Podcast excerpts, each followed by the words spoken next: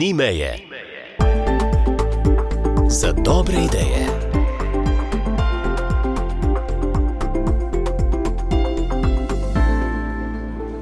V tokratni rubriki pozdravljam gospo Lenko Puh, je družbena inovatorka s skupino E3. Oblikujejo zanimive zgodbe. Mi dve zdaj stojiva pri čičerikinim, čičerikinim sladoledom. Tako, čika. To je blagovna znamka Čika. Se pravi, mi kot E3 skupina delamo prav konkretne krožne zgodbe, ne kar običajne zgodbe, kar pomeni, da povežemo v nekem trajnostnem cilju ali pa dveh ciljih tiste pa deležnike, ki lahko ta cilj res uresničijo. In tako je bila tudi Fižovčkova pot, projekt sodelovanja socialnih kmetij s socialnimi podjetji. In seveda iz fižola sladoled ni bil tako dober, kot je zdaj iz čičerike, kar pomeni, da je to sladoled, ki nima nobenih živalskih sestavin, se pravi, nima noter smetane in tega, vseeno pa zelo dober, močen kremni okus. Seveda čičerika je stročnica, kar pomeni, da se človek od takega sladoleda tudi nahrani, ne samo posladka, kar pomeni, da več kot dve, tri kepce na dan ni priporočljivo. Drugače pa v naši skupini izvajamo v bistvu projekte zelo take krožne zgodbe s trajnimi rezultati, se pravi, hrane ne mečemo stran, povezujemo deležnike od pridelave, predelave do končne porabe, tako da imamo od startupov, mladih ljudi, ki bodo to sporočilo odnesli čez svojo štirideset let življenjsko delovno dobo, do tistih stvari, katere je treba takoj rešiti, ne, odstranjevanje invazivnih rastlin, zmanjševanje odpadne hrane, priprava nekih obrokov za starejše prebivalce, ki bi jih lahko pojedli z dostojanstvom na domu. Vse te neke krožne zgodbe peljemo in v naši skupini skoraj sedemdeset redno zaposlenih ljudi izvajamo, temu rečemo nakup z namenom, se pravi, povabimo prek Dobro z dobrim vse podjetja, posameznike, da kjer srečajo neko tako krožno zgodbo s svojim nakupom, kakor se reče moderno, bekanjem, ne, tako kot na teh Kickstarter platformah, prispevajo k temu, da se take zgodbe dogajajo. Zelo dobro in zanimivo, javnost niti ne ve, ne pozna te skupnosti E3, kjer ustvarjate in v javnost tudi plasirate spremembe po meri človeka. Ja, smo mi začeli na podjetniški način, kar pomeni, da smo se tega nevladniškega oziroma te družbene odgovornosti učili, se pravi, nismo bili tako piarovsko aktivni, recimo da smo več delali kot govorili, zato ker take pilotne korake, rezultate ne moreš vnaprej vedeti, da ti bo vse uspelo, in seveda, če ne želiš, če nekaj poskušaš, eksperimentiraš, se učiš, ni fajn, da imaš neko kritiko pa nadzor vedno blizu sebe, in je seveda ta podjetniški pristop, da se prenaša med generacijami in medsektorski, pomemben. V času covida smo ekstremno dobro povezali znanstvene inštitucije in šolstvo, temu rečemo na, na drevesu na hrastu, potem smo na tej jablani, na drugem pa drevesu povezovali tiste, ki smo že zaposlovalci, ker smo seveda mogli se v času covida veliko prestrukturirati, da smo preživeli in ohranili neko svojo dejavnost. In seveda ta naš brin, ta mlado drevo, startupovci so tudi majčkeno bolj odprti, da v bistvu razumejo, da podporno okolje jim lahko prinese to, da so oni bolj sproščeni, socialno bolj varni, ker jih mi prav zaposlimo, in da lahko potem bolj samozavestno orjejo ledino, če lahko tako rečem, tam, kjer se potrebuje nova znanja, mladi zagon, ne, in neko spremembo potrošnika. No, pa vedno je veljalo, da je pri hrani v živilstvu veliko priložnosti, ker jemo vsak dan in vsi ljudje, in vi si prizadevate za krožno gospodarstvo. Torej konkretno, kaj to pomeni? Opisali sva že, razvijate odgovorno nabiralništvo za čim manj invazivnih rastlin, pa da bi vendarle znali ustvarjati pristne domače zdrave čajne mešanice, potem ste zelo dejavni na področju tudi embalaž, zdaj sva omenili Fižolčkovo zgodbo in tudi čičerike in sladoled. Kako lahko vstopimo v to krožno gospodarstvo in kako ga preslikati, da bi tako živela celotna družba? Zdaj ena stvar je v bistvu glih na področju kmetijstva zelo doma, ne, na kmetiji se je vedno našlo delo za vsakega, glede na njegove sposobnosti. In seveda se je omogočilo vsakemu posamezniku, da je prispeval toliko, kot je zmogel, ali v delu in na koncu tudi pri jelu, da ni bilo lačnih, ni bilo izključenih iz družbe.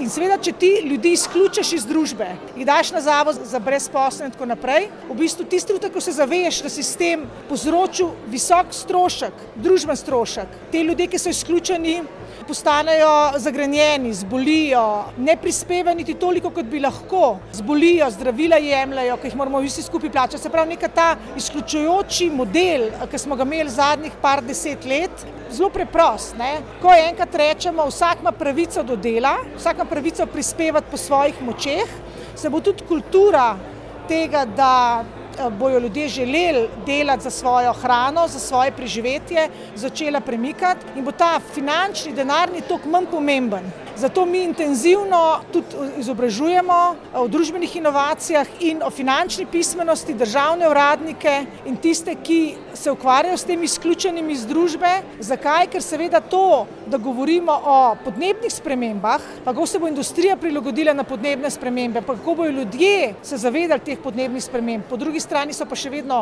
lačni, izključeni iz družbe, je brez veze. Dajmo najprej odpraviti prvi cilj trajnosti, odprava revščine, potem potem naredimo tretjega, da bomo vsi bolj kvalitetno živeli, gremo na enajsti cilj trajnosti, ker bomo spremenili pridelavo in potrošnjo. In bomo potem tudi prišli do trinajstega cilja podnebnih sprememb in sedemnajstega cilja sodelovanja. Krožno gospodarstvo realno v antropološkem pristopu predstavlja spremembo naših odnosov, ob tem pa logično vidimo fizične tokove hrane, odpadkov, tekstila, oblek, vsega tega, ker preko tega se lahko lažje poistovetimo. Če nam nekdo reče, gledaj, če spremeniš odnos do obleke, pa si lahko vedno isto oblečen, ne, niti treba biti vsak dan drugačen, ker je bilo moda nekaj časa, da je v bistvu fancy, če si oblečen trajnostno, ne, je fancy, da manj ješ, pa da ti sješ bolj kvalitetno in da plačuješ za hrano več, da se ne več pogovarjaš, da je najcenejša hrana tudi najboljša hrana, ker itak ni, to vsi vemo. In da seveda tudi vemo, da ne moreš z neko tabletko popraviti pa vse tisto, kar s hrano pokvariš, ne se pravi, da vemo, da obstajajo funkcionalna živila, da lahko z neko koprivo ki jo naberemo v nabiralništvu, dobimo bistveno več železa v svoje telo, kot z neko kapsulo železa. Ne? Pravi, da tukaj v bistvu vidimo, da je narava tista, ki nas uči in nam da to priložnost, da se vse te spremembe speljemo. Ne? Je pa zanimivo tudi pri tem balažah, pri teh drugih industrijah, kot je tekstilna, papirna, da včasih je bilo krožno gospodarstvo vse organizirano v neki manjši skupnosti, ni bilo odpadka, tako rekoč, ker se je vse pač predelalo v novo varianto. Vse te industrije so bile doma na kmetiji, ne, zim se je pač predal, polet se je pač delal tisto, kar je polet za delati. Tako da bolj, ko pogledaš, kako so naši predniki živeli, pa ne zato, da bi živel tako, kot so živeli predniki, ampak da se sam pobereš neke informacije in živiš v današnjem času temu prilagojeno, pa je stvar dosti preprosta. Vsi vemo, nekje v zadju se vsak zaveda, da je tisto, kar ste prej opisovali, dobra rešitev za družbo, če želimo, da bo čim bolje vsem. Po vaših ocenah, koliko časa bi potrebovali, da bi se to v družbi uveljavilo, da bi zaživelo nov pogled na krožno gospodarstvo, na tudi naše potrebe.